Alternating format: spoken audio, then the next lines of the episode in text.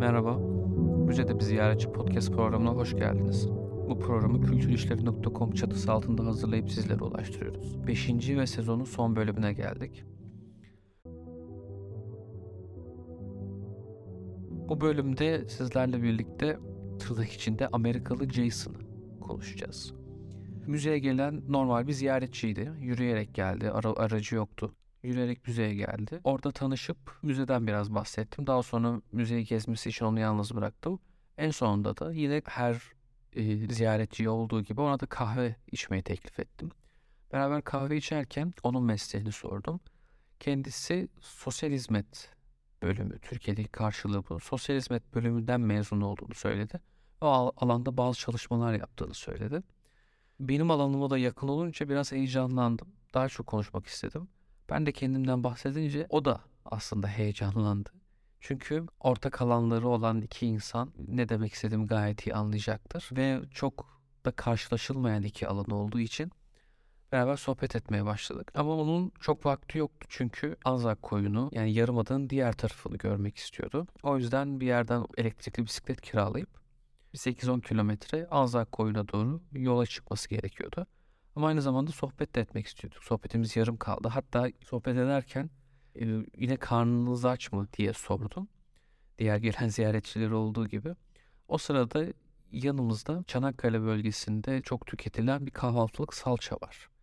Normalde yemeklerde kullandığımız salçalar biraz daha koyu, sert olur. Ama Çanakkale'deki salçalar hem yemeğe koyulan hem de kahvaltıda tüketilen baharatlı salçalar oluyor. Ekmeği sürüp ondan verdim. Çok çok hoşuna gitti. Gözlerinin parladığını o an gördüm. Aramızda böyle bir muhabbet geçince akşam onunla Çanakkale'de buluşmak için teklif ettim. İstersen dedim akşam Çanakkale'de merkezde buluşup bir kahve içebiliriz dedim.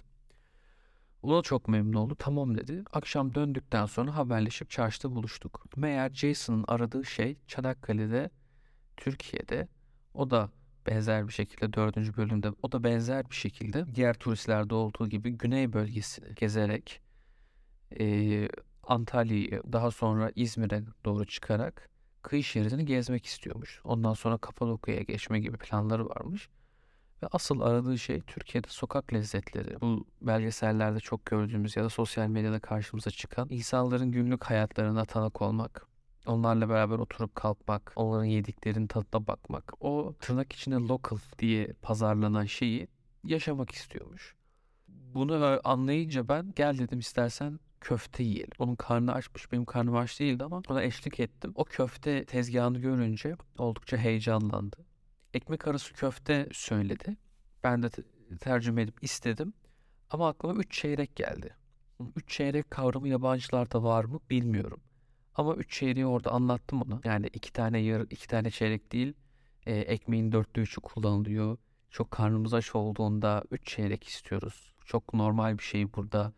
E, çok açsan belki üç çeyrek söyleyebiliriz gibi. O tabiri de çok beğendi. Three quarter gibi bunu Amerika'ya gittiğinde e, restoranlarda deneyeceğini de söyledi. Orada yemek yedik. Yemek yerken epey sohbet ettik.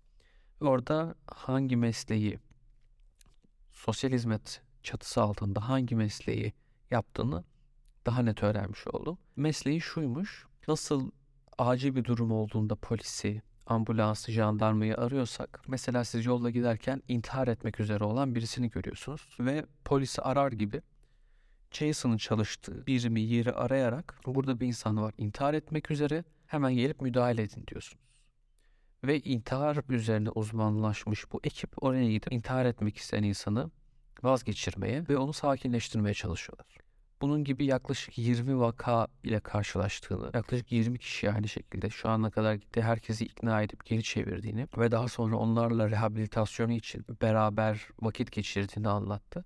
Ve aslında podcast'te anlatamayacağım. Uzmanlık alanım olmadığı için elbette. Podcast'te onu söylediklerini de söyleyemem elbette burada.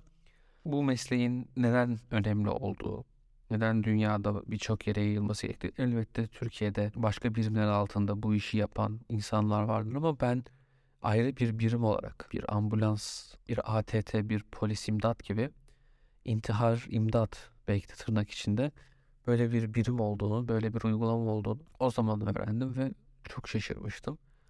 O yüzden konuşurken de şunu fark ettim. Karşılaştığı insanlara karşı tavrı onu anlamaya yönelik. Ben konuşurken, ben anlatırken söylediklerimi sanki psikologla konuşuyormuşum gibi. Evet anlıyorum. Benim söylediğim şeyleri kesinlikle itiraz etmeden. Çünkü konuştuğumuz şeyler arasında çok farklı konular vardı. Merak ettiği her şeyi sordu. Özellikle önceki bölümlerden hatırlayanlarınız olur. Hollandalı gazeteci beyefendinin merak ettiğine benzer birçok soru sordu. Türkiye'deki yaşantı, kültür, insan ilişkileri, aile, insanların yaşayış tarzı. Bunlarla ilgili çok ayrıntılı sorular sordu. Çünkü Amerika'da karşılaştığı insanlara, sıkıntılara benzer sıkıntılar burada var mı? Onu anlamaya çalışıyordu biraz da. O yüzden ben de bu alana biraz ilgili olduğum için ona biraz daha ayrıntılı anlatmaya çalıştım. Ve o köfte ekmeğini yedi. Ben de kelle paça çorbamı içtim. Beraber oradan kalktık. Daha sonra ona peynir helvasını anlattım. Belki canı tatlı çekmiştir diye. Peynir helvası ve dondurma aldık. Ondan sonra sahile oturduk. Bu konuları konuşmaya devam ettik. Hiç beklemediğim, hiç ummadığım bir yerden gelen bu insan aslında belki ara sıra filmlerde gördüğümüz. Mesela Mindhunter dizisinde vardı. Mindhunter dizisini izleyenleriniz ilk sahneyi hatırlayacaktır. Olay yerine gelen polis aslında intihar etmek üzere olan insanı ikna etmeye çalışır. Seni anlıyorum gibi empatiyle yaklaşır. Ve bunu biz sosyal medyada ya da önümüze düşen küçük kesitlerde sıkça görürüz aslında. Ama günlük hayatta böyle birisiyle karşılaşmak, onun tavırlarına yansımış olduğunu görmek oldukça ilginçti. Jason'ı peynir helvası dondurmasını yedikten sonra uğurlayıp sezonu kapatıyoruz. Aslında bu ilk sezon 5 bölüm olarak planlandı. Bundan sonra da 5 bölüm ikinci sezon olarak gelecek. Çünkü müzeye gelen ziyaretçiler ya da dışarı tanıştığımız yabancı turistler, hikayesi olan yabancı turistler düzenli bir sıklıkla gelmiyorlar. Belki haftada bir, belki haftada iki, belki iki haftada bir hiç belli olmuyor. O yüzden bu bölümleri sezon sezon e, arka arkaya ve sezon tamamlandıkça dinleyeceksiniz. İlk sezonunda bizlerle birlikte olduğunuz için tüm dinleyenlere çok teşekkür ederiz. İkinci sezonda görüşmek üzere.